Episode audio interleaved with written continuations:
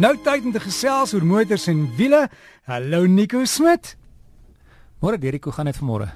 Voor die wind, uh, is altyd lekker om oor karre te gesels en ek wil nou skieurig en jy het ons laas Saterdag gelos in die middel van 'n storie van jy het begin met die Karoo en en toe to, to, stop stop Wag, hierdie week. So hier is hierdie week. So hier is hierdie week en ons praat bietjie oor uh, motion induced blindness. Ek wonder of jy al daar in die Karoo gery het en as hmm. jy net so voor Beaufort Wes is daar bordjies wat sê high accident zone en ek het baie gewonder nou maar dit maak nie vir my sin nie. Dis 'n reguit stuk pad. Dis breed. Het, het baie goeie sig. Hoe gebeur dit dat mense ongelukke het op op 'n reguit pad?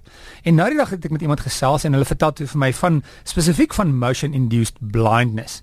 Ja. So as jy graag wil daarvan uitvind is baie maklik. Ehm um, gaan net na na YouTube en uh, tik in motion induced blindness en een van die eerste video's wat jy gaan kry, dis 'n swart agtergrond met ehm um, geel kolletjies en 'n groen kolletjie. Mm -hmm. En wat gebeur is eh, ehm uh, um, as jy daarna kyk, ehm um, jy speel die video en as jy na die groen kolletjie aanhou staar amper fikseer op hom, begin die geel kolletjies weggeraak. Ja.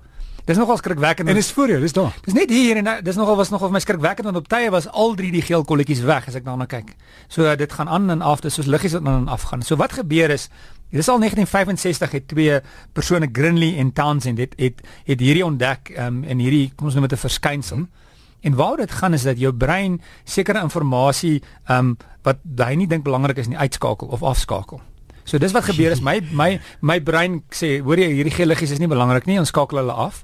Ehm um, so uh, omdat jy fikseer op een kolletjie skakel dit af nou in in in die vlugindustrie is dit ook nie nuut nie. Selfs veg um, vlieniers en dit gaan al terug na Tweede Wêreldoorlog toe. Hulle was geleer om nie net buite uit die vliegtyg uit te kyk die hele tyd en en te fikseer op die buitekant nie, maar om buite te kyk en binne te kyk en selfs hulle kop te draai sodat wat gebeur het jy nie daai want as jy dan so begin fikseer op een punt gaan belangrike inligting deur jou brein afgeskakel word en jy kan dalk nie die vyandelike vegvliegtye sien wat wat wat op pad is of of of wat jou gaan moontlik aanval nie. So dieselfde is wat dan met ons gebeur as as ons bestuur.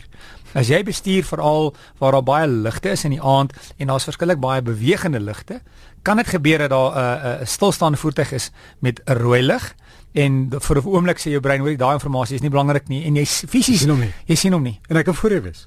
Hy kan voor jou wees. So, ehm um, dis die ding en uh, dis nou presies wat dan gebeur in die Karoo en dit gebeur selfs in die dag. As jy op baie lank pad ry, daai lang reguit pad in die Karoo en jy kyk net in die verte, jy fikseer net op die karre wat wat so amper in 'n ritme van voor af kom, gaan dit gebeur dat jou brein dan outomaties inligting links kan uh, voertuie wat stil staan kan persone wees dat jou brein sê hoorie dis nie belangrike inligting nie en jy fisies dit nie sien nie. So hoe gaan jy die maklikste manier om om of die beste natuurlik is om te rus. Ja, of en, of net jou kar nie genoeg brandstof vind as in die rooi lig en houdend aankom. ja, dan kyk jy heeltyd af en op af en op. Ja, maar presies die af die af en dit dis 'n belangrike ding is dan om nie heeltyd net buite die voertuig te kyk nie, maar om af te kyk op die instrumente en buite te kyk en af te kyk op die instrumente en buite te kyk. Met ander woorde, hou jou oë besig en hou jou brein meer besig in plaas om te fikseer. En natuurlik een van die slegste goeders wat een van die lekkerste goeders is, is spoedbeheer.